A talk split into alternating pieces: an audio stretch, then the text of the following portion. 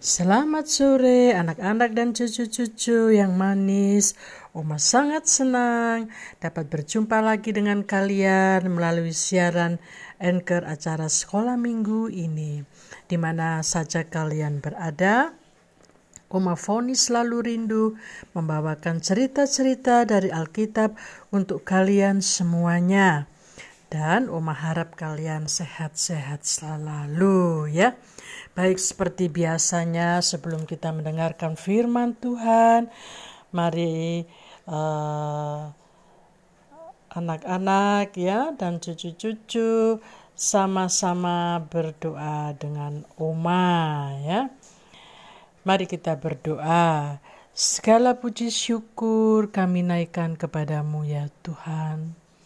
Atas kasih setia Tuhan, penyertaan Tuhan pada anak-anak dan cucu-cucu uh, dari hari lepas hari. Mereka juga dapat beraktivitas dengan baik, belajar juga dengan baik, agar supaya mereka dapat melakukan juga kehendak Tuhan dengan Tak lupa juga mereka dapat berbakti serta sayang kepada orang tua mereka masing-masing.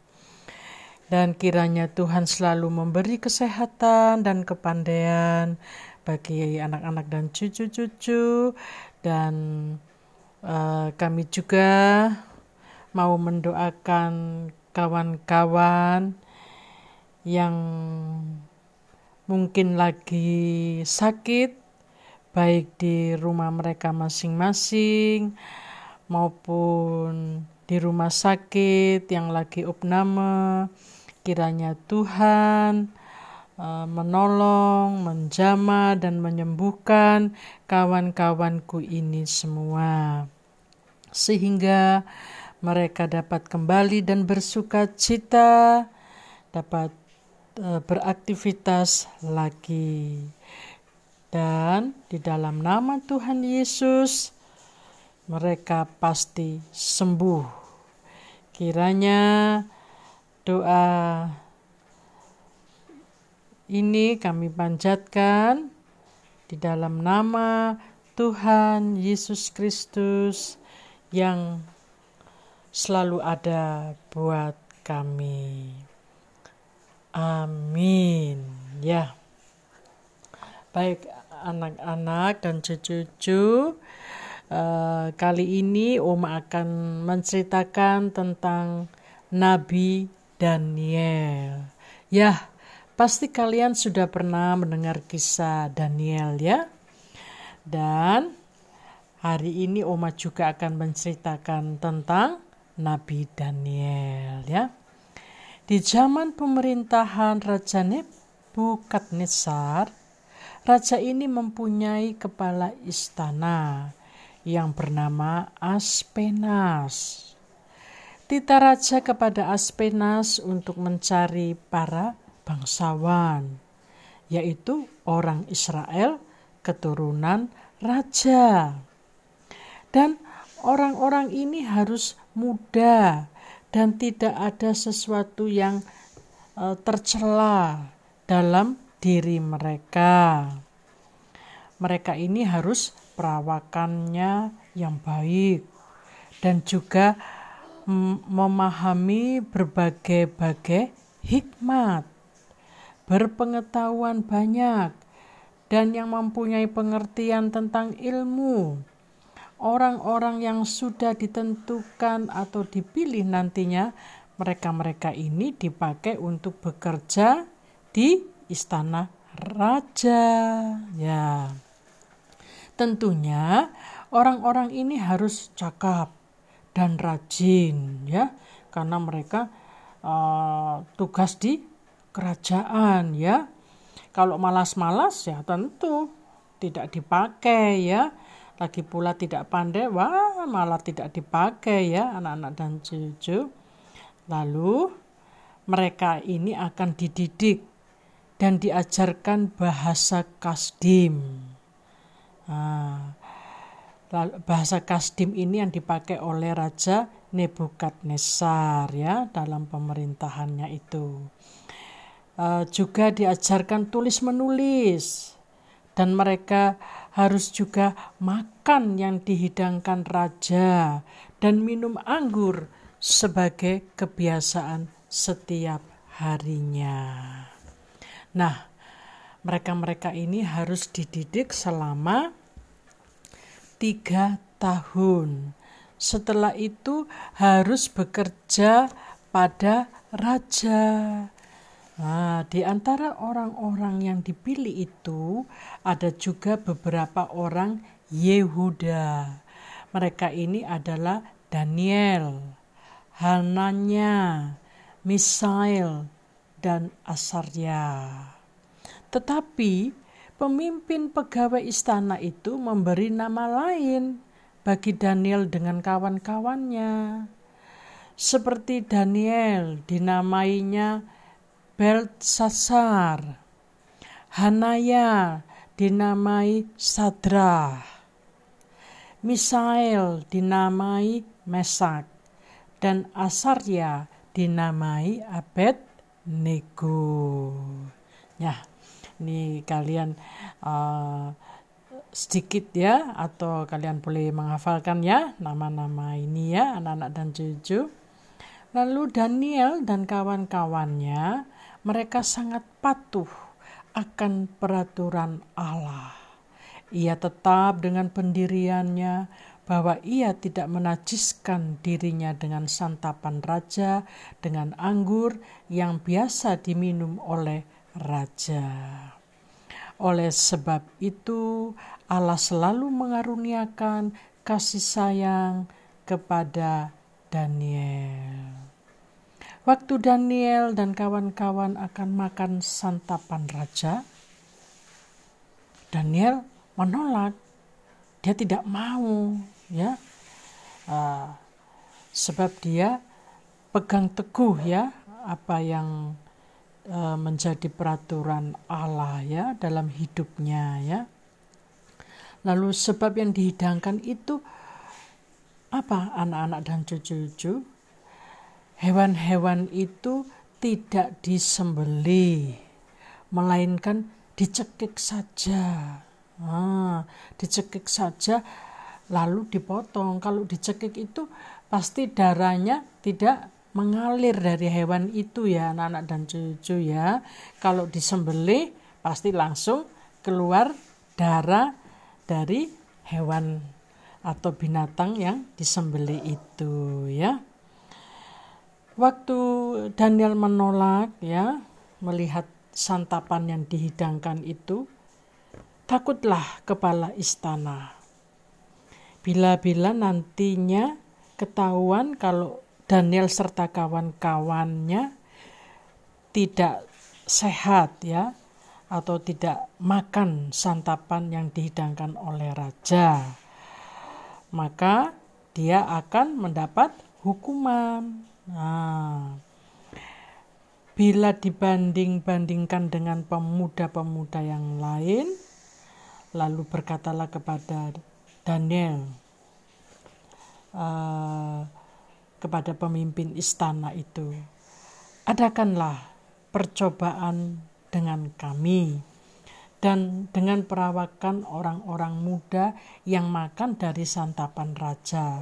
Sedangkan kami berikan makanan sayur-sayuran saja selama 10 hari. Pegawai istana ini juga heran-heran ya anak-anak dan cucu-cucu yang yang diminta kok hanya sayur. Wah. Ya, sudah baiklah. Kalau itu yang kau minta, aku akan menurut perintahmu. Bila nanti engkau dan kawan-kawan tidak uh, kedapatan tidak sehat dan gemuk, maka buatlah kami sekehendak hatimu. Yaitu uh, jawab Daniel ya, supaya kepala istana ini dia merasa lega ya, tidak takut ya, karena Daniel sudah berjanji ya. Nah, maka dimulailah hari pertama dan seterusnya hingga hari yang ke-10 maka genaplah harinya untuk mereka menghadap raja mereka kelihatan gemuk-gemuk dan sehat-sehat kepada keempat orang muda itu Allah memberikan pengetahuan-pengetahuan dan kepandaian tentang berbagai tulisan dan hikmat. Sedang Daniel dikaruniakan tentang berbagai-bagai penglihatan dan mimpi. Kemudian mereka dibawa menghadap raja, Raja Nebukadnezar berbicara ya atau bercakap-cakap dengan mereka. Tetapi raja melihat bahwa mereka tidak setara dengan Daniel. Setiap pertanyaan raja dijawab oleh Daniel serta kawan-kawannya. Dan kelihatan mereka itu didapati sepuluh kali lebih cerdas daripada semua orang berilmu. Bahkan semua ahli jampi di seluruh kerajaannya. Nah, itu semua. Apa anak-anak dan cucu-cucu semuanya itu dari Tuhan ya. Daniel ada di sana sampai tahun pertama pemerintahan Kores ya atau Raja Kores ya. Pada tahun yang kedua pemerintahan Nebukadnezar bermimpilah ia hatinya gelisah sebab dia tidak tahu apa yang ia mimpikan tadi. Wah, rasanya aneh ya anak-anak dan cucu-cucu. Uh, itulah cara Allah akan menyatakan kuasanya lewat Daniel. Ya, maka dipanggillah seluruh orang pandai dan para ahli jampit juga dari mereka-mereka ini pun tidak dapat memberi arti mimpi raja dan juga apa yang dimimpikan tadi. Bila tidak dapat menjawab atau salah mengartikan, akan mendapat hukuman.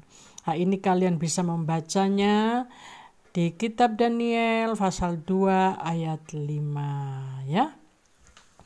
Lalu para kasdim itu berkata uh, kepada raja ya uh, mengenai mimpinya itu karena mereka tidak menemukan apa yang dimimpikan raja ya jadi mereka berkata aduh Tuhan uh, tuanku itu sangat berat sekali selain dari dewa-dewa yang tidak berdiam di antara manusia. Maka marahlah raja dengan geramnya karena hal ini. Maka semua orang-orang bijaksana yang di Babel akan dilenyapkan, termasuk juga Daniel dengan kawan-kawannya terancam pula. Ya, setelah Daniel mendengar hal ini, lalu ia menghadap raja dan meminta kepadanya supaya ia diberi waktu untuk memberitahukan makna itu kepada raja. Akhirnya Daniel memohon kasih sayang Allah serta memuji Allah semesta langit. Terpujilah nama Allah selama-lamanya sampai selama-lamanya. Sebab daripada dialah hikmat dan kekuatan. Dialah yang menyingkapkan hal-hal yang tidak terduga dan yang tersembunyi. Dia tahu apa yang ada di dalam gelap dan terang ada padanya. Wah, luar biasa ya anak-anak dan cucu kita mempunyai Allah yang begitu uh, dengan penuh kuasanya luar biasa sebab apa? Sebab Allah adalah sang pencipta itu sendiri ya. Makanya dia mengetahui semuanya ya. Nah Setelah didapatkan semuanya dari Allah, maka menghadaplah Daniel kepada raja. Uh, permintaan Daniel kepada raja begini, uh, Tuanku raja, jangan lenyapkan orang-orang bijaksana di Babel ini. Lalu raja mendengar apa yang diminta oleh Daniel. Dan tapi raja berkata juga, "Baik, aku akan mendengarkan uh, permintaanmu. Asalkan sekarang ceritakanlah mimpiku serta artikan." Lalu semua orang di istana itu hening ya menanti-nanti apa yang akan dikatakan oleh Daniel ya. Mereka semua was-was ya, penuh takut. Wah, kalau Daniel ini nanti salah-salah, wah pasti semuanya akan dilenyapkan ya. Uh, lalu uh, Daniel tidak takut ya anak-anak dan cucu dia tahu bahwa Allah menyertai dia ya maka berkatalah Daniel Ya tuanku raja, tuanku melihat suatu penglihatan, yakni sebuah patung yang amat besar. Patung ini tinggi, berkilau-kilauan luar biasa, tegak di hadapan tuanku dan tampak mendasyatkan. Adapun patung itu kepalanya dari emas tua, dada dan lengannya dari perak, perut dan pinggangnya dari tembaga, sedang pahanya dari besi dan kakinya sebagian dari besi dan sebagian lagi dari tanah liat. Sementara tuanku melihatnya terungkit lepas sebuah batu tanpa perbuatan tangan manusia lalu menimpa patung itu tepat pada kakinya yang dari besi dan tanah liat itu sehingga remuk. Maka dengan sekaligus diremukkannya lah juga besi, tanah liat, tembaga, perak dan emas itu dan semuanya menjadi seperti sekam di tempat pengirikan. Wah, tentunya raja mendengar dengan seksama ya. Raja juga heran-heran. Begitupun juga dengan orang-orang di sekitarnya ya mendengar Daniel berkata dengan penuh seksama ya. Ah, lalu uh, pada musim panas angin menghempuskannya sehingga tidak ada berkas-berkasnya yang ditemukan. Tetapi batu yang menimpa patung itu menjadi gunung besar yang memenuhi seluruh bumi. Ya. Demikianlah cerita dari Oma untuk anak-anak serta cucu-cucu semuanya. Lain waktu ada kesempatan Oma pasti sambung lagi ya ceritanya tentang uh, kisah Daniel ini masih panjang ya anak-anak dan cucu-cucu ya dan kiranya jangan lupa berdoa dan harus rajin belajar Tuhan Yesus memberkati kalian semua.